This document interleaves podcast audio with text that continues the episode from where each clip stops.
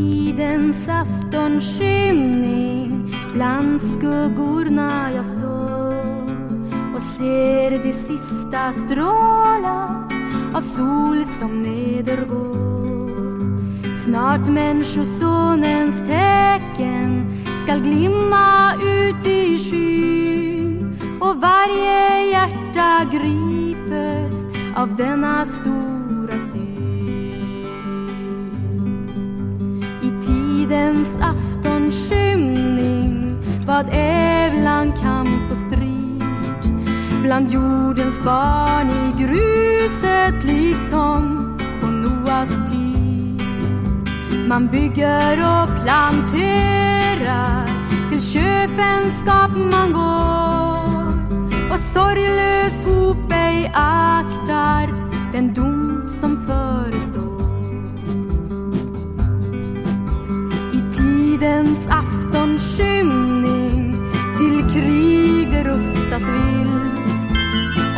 och tusen redan sitt blod på marken bild.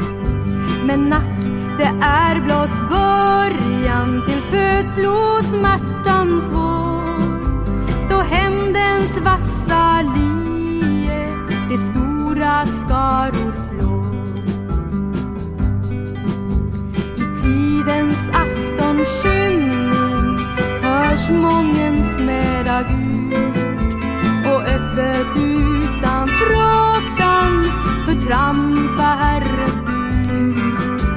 jag druvorna på jorden för skörden mogna fort då vredens press skall trampas där utom stadens. I tidens aftonskymning tungt sömnen faller på och många brudetärnor med släckta lampor när Människosonen kommer som han har sagt förut och månne han skall finna på jorden tro till slut. God morgon och frid alla radiolyssnare. Jag önskar er verkligen Guds frid och jag hoppas att ni som lyssnar har funnit denna frid och funnit denna frälsning. Att ni har blivit födda på nytt och nu har Jesus i hjärtat. Och jag skulle vilja tala lite idag om en sak som har lagts på mitt hjärta. Det är ju så här att eh, människor har eh, kanske inte klart för sig vad människan som är kristen, den kamp som vi har att utkämpa här på jorden och hur viktigt det är att, att förstå denna kamp, få kunskap om vad kampen handlar om. Det är, eh, vi lever ju i tiden och i världen, men vi är, när vi är födda på nytt, då tillhör vi ett annat folk. En, eh, vi är födda ovanifrån och tillhör Guds rike. Och Guds rike är i strid med världens rike. Och därför så skulle jag vilja tala om idag och försöka upplysa lite grann om vad det kan innebära. Det är ju så här för den kristna människan att hon har att dra ut. Det handlar om för Guds folk alltid om ett uttåg. I, i Gamla testamentet ser vi att Guds folk, Israels folk, judarna, fick tåga ut. Först eh, var det frågan om att de måste tåga ut ur Egypten. Egypten är en eh, förebild för världen och världen är ett rike här i tiden, världssystemet. Vi kan ju inte tåga ut ur eh, världen som sådan. Vi lever ju här och vi bor här. Men världen är också ett system som den kristna människan måste komma ut ur. Jesus säger ju i Johannes, där kan vi läsa att han säger så här att, att jag har tagit er ut ur världen och ni tillhör inte världen. Vi kan läsa om det, men det ska vi inte göra idag. Idag ska vi koncentrera oss på ett annat uttåg och det är att den kristne måste också tåga ut ur Babylon. Babylon var ett rike där Israels folk blev fångar och de blev fångar där i 70 år. Och efter denna tid då skulle de tåga ut därifrån, ett uttåg ur Babylon. Och det finns i den historien som eh, faktiskt har hänt Israels folk, det är också en förebild på det som eh, den kristna människan behöver gå igenom. För de som har blivit fångar i Babylon. Nu är det ju inte så att alla kristna är i Babylon, men det finns många, många kristna som är i Babylon, men de måste dra ut därifrån. Det kan vi se i Guds ord. Det här måste den kristna förstå och veta så man fattar vad kampen handlar om. Och Egypten var ju, säger, sa vi, en bild på världen. Men Babylon är en bild på den falska kristendomen eller den fallna kristendomen. För Babylon är ju, eh, har ju bilden av att vara en sköka. Och för att eh, eh, eh, förstå detta så tänkte jag att vi kan börja med att läsa i Uppenbarelseboken om, om eh, eh skökan så som det står i Uppenbarelseboken 17 och 18. Det är två kapitel som handlar om detta. Och för att eh, så ska jag försöka förklara så småningom vad är Babylon i vår tid? Vad är för någonting? Vad är, är det någonting fysiskt som vi kan tåga ut ur eller vad är det för någonting? Jag skulle vilja genom kanske det här och jag vet inte om jag hinner så långt idag men försöka förklara så att människor förstår vad Babylon representerar för någonting. Vi börjar med att läsa Johannes uppenbarelse kapitel 17. Och en av de sju änglarna med de sju skålarna kom och talade till mig och sade Kom hit så ska jag visa dig hur den stora skökan får sin dom, hon som tronar vid stora vatten. Hon som jordens konungar hava bedrivit otukt med och av vilken otukts eh, vin jordens inbyggare har druckit sig druckna. Sedan förde han mig i anden bort till en öken där såg jag en kvinna som satt på ett scharlakans rött vilddjur, fulltecknat med hädiska namn, och det hade sju huvuden och tio horn. Och kvinnan var klädd i purpur och scharlakan och glänste av guld och ädla stenar och pärlor, och i sin hand hade hon en gyllene kalk full av styggelser och av hennes otukts orenlighet, och på hennes panna var skrivet ett namn med hemlig betydelse, det stora Babylon, hon som är moder till skökorna och till styggelserna på jorden. Och jag såg kvinnan vara drucken av det heligas blod och av Jesu vittnens blod, och jag förundrade mig storligen när jag såg henne. Och ängeln sade till mig, varför förundrar du dig? Jag ska säga dig hemligheten om kvinnan och om vilddjuret som bär henne och som har de sju huvudena och de tio hornen. Vilddjuret som du har sett, det har varit och är icke mer, men det ska stiga upp ur avgrunden och det går sedan i fördärvet. Och en av jordens inbyggare och de av jordens inbyggare vilkas namn icke från världens begynnelse är skrivna i Livets bok skola förundra sig när de får se vilddjuret som har varit och icke mer är, men dock skall komma. Här gäller det att äga ett förstånd med vishet. De sju huvudena är sju berg som kvinnan tronar på det är och sju konungar. Fem av dem har fallit, en är och den återstående har ännu icke kommit och när han kommer skall han bliva kvar en liten tid och vilddjuret som har varit och icke mer är, det är självt den åttonde och dock en av de sju och det går i fördärvet. Och de tio horn som du har sett, det är tio konungar som ännu icke hava kommit till konungavälde, men som för en kort tid tillika med vilddjuret får makt såsom konungar. Dessa hava ett och samma sinne och det giva sin makt och myndighet åt vilddjuret. Det skola giva sig i strid med lammet, men lammet jämte de kallade och utvalda och trogna som följa det skall övervinna dem, ty lammet är herrarnas herre och konungarnas konung. Och han sade ytterligare till mig, vattnen som du har sett, där varest skökan tronar, är folk och människoskaror och folkslag och tungomål. Och de tio horn som du har sett och vilddjuret, det skulle hata skökan och göra henne utblottad och naken och skulle äta, upp, äta hennes kött och bränna upp henne i eld.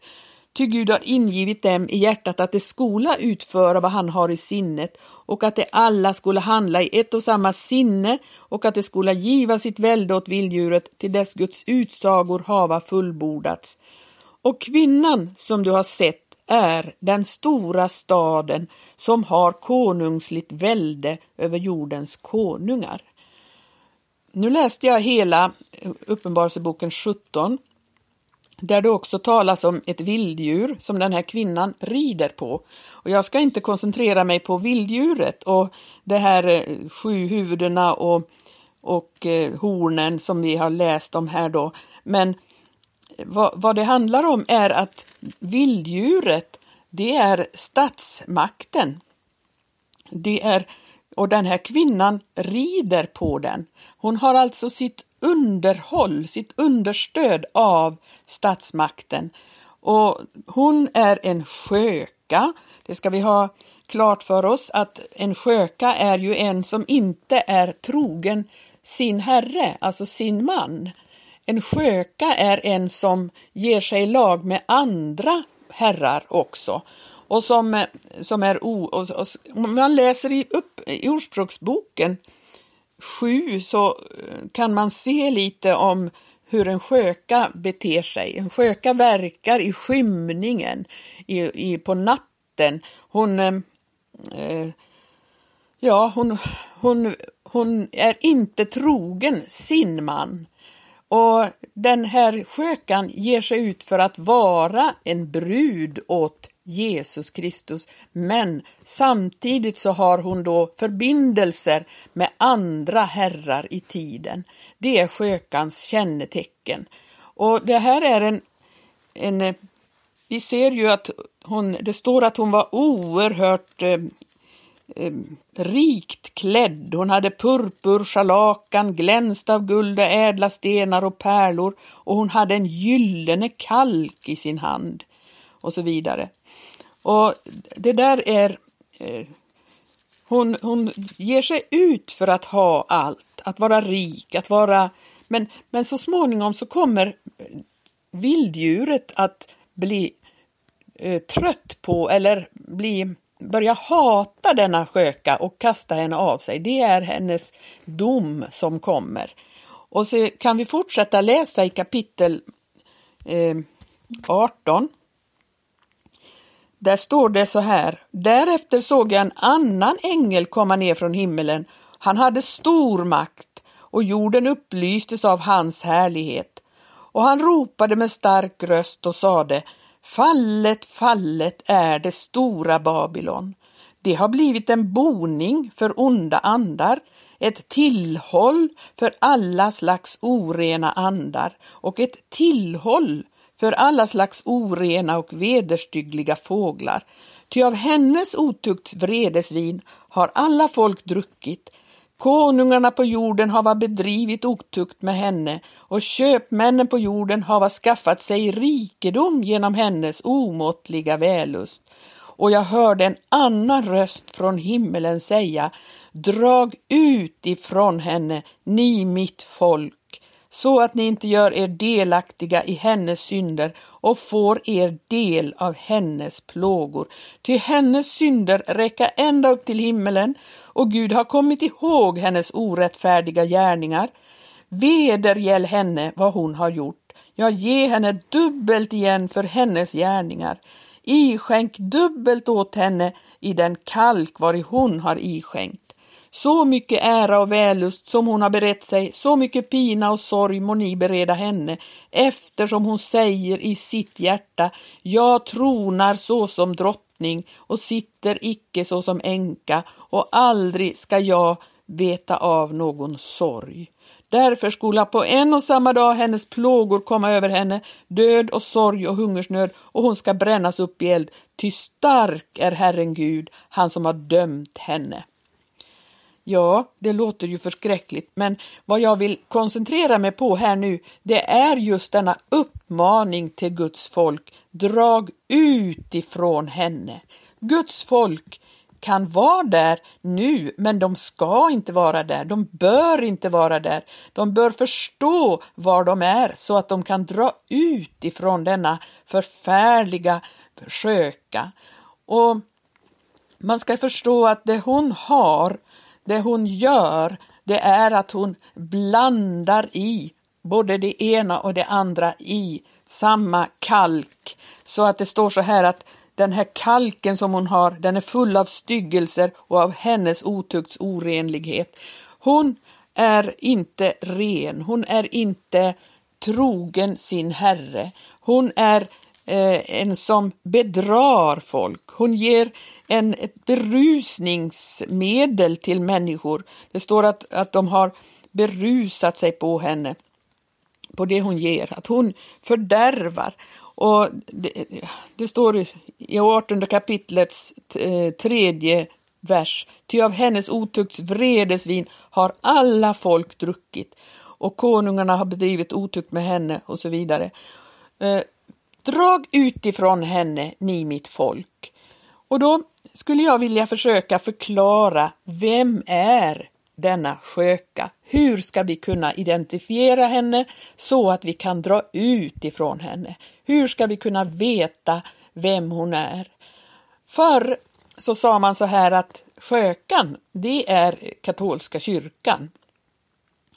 Så enkelt tror inte jag att det är. Det är mycket, mycket mer komplicerat än så. Skökan är verksam i på mycket, mycket större område och är mycket, mycket mera inblandad i det mesta som sker här i vår tid och på vår jord. Och jag tänkte att idag ska jag börja med att eh, försöka titta på begynnelsen till skökan för att komma fram till vem är hon?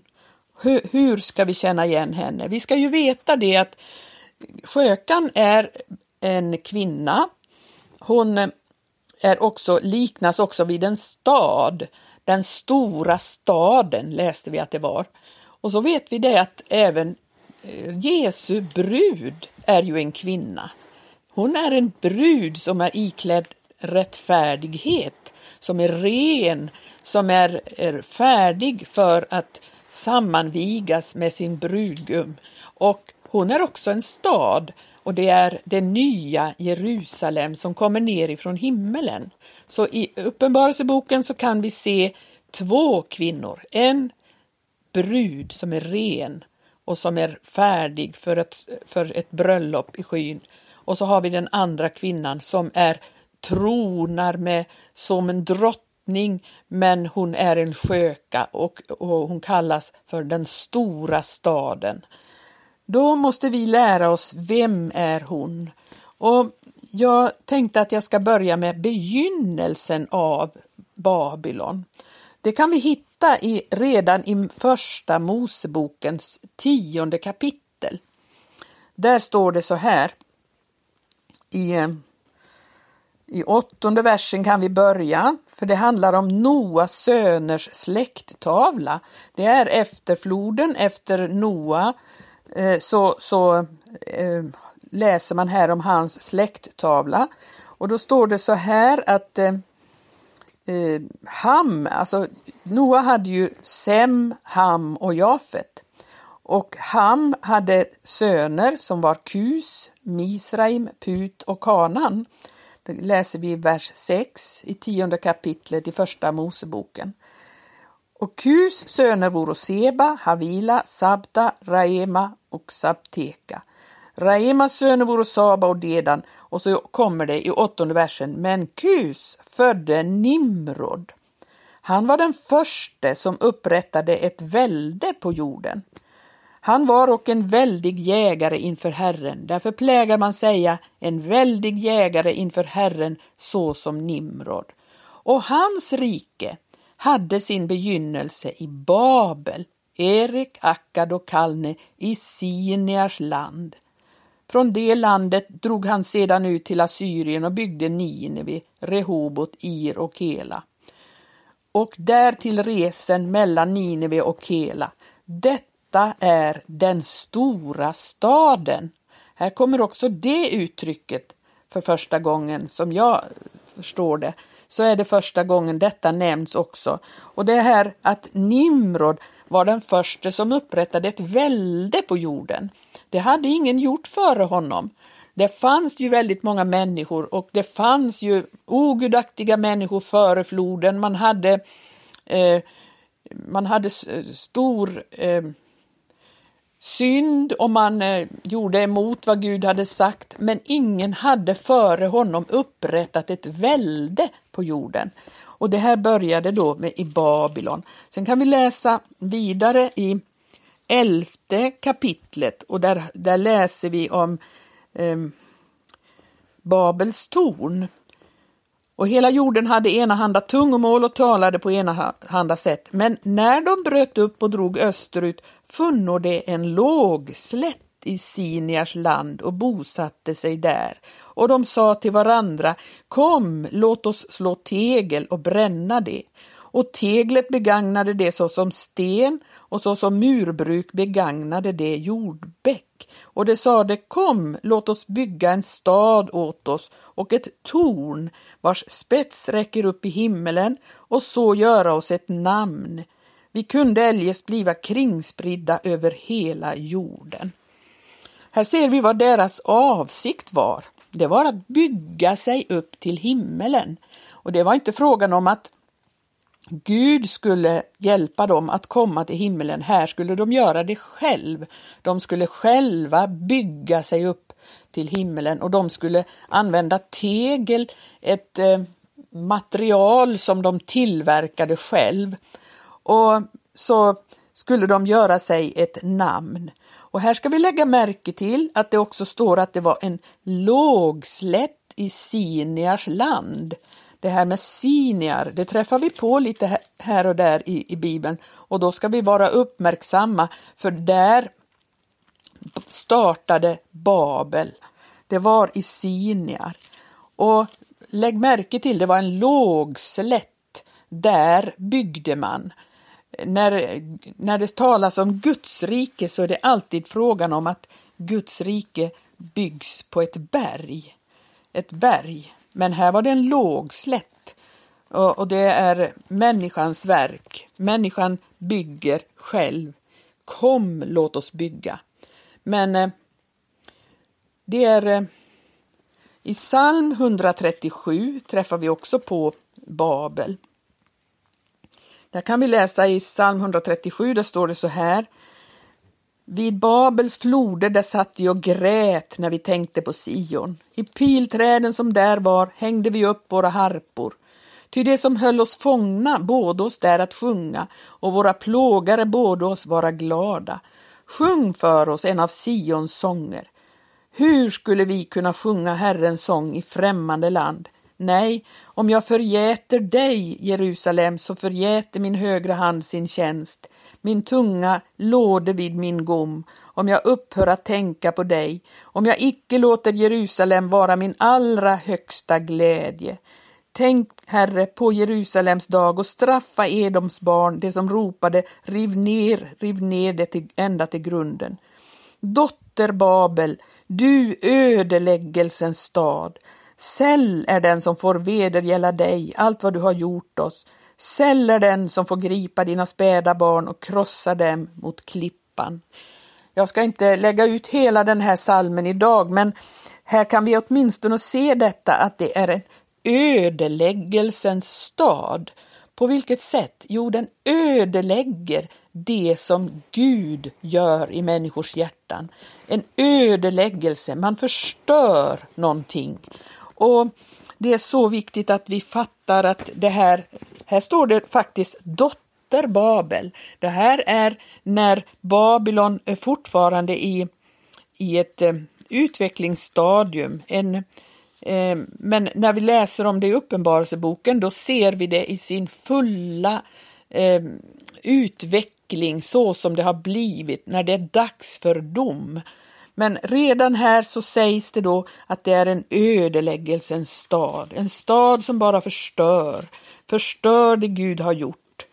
Och om vi vill fortsätta läsa lite i profetiorna om Babel så kan vi hitta det i, i Jesaja, 13 kapitlet.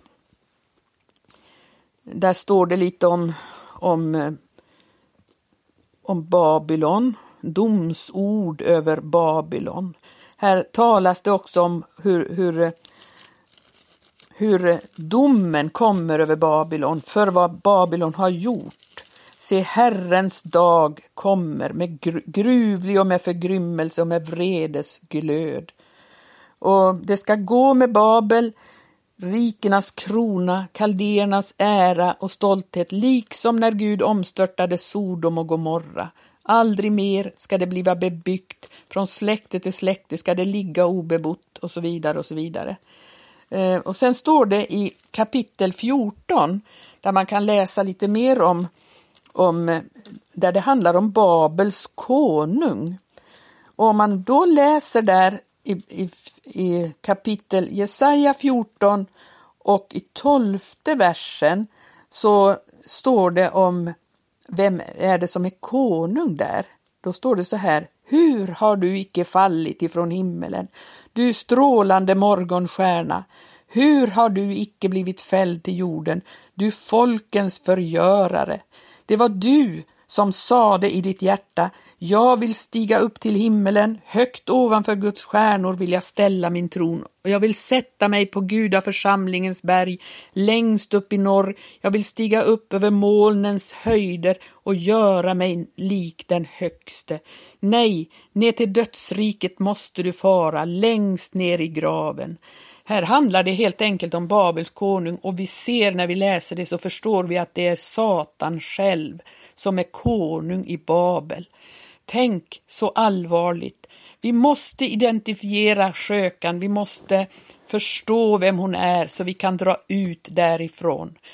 Nästa gång jag gör ett program ska jag tala mer om vem hon är. Fortsätt att lyssna och Gud välsigne dig att eh, förstå de här tingen och se in i det så du kan ta dig tillvara och räddas. I Jesu namn. Amen. Vid älvarna i Babylon satt Israel i sorg. De tänkte på Jerusalem, på Sions sjö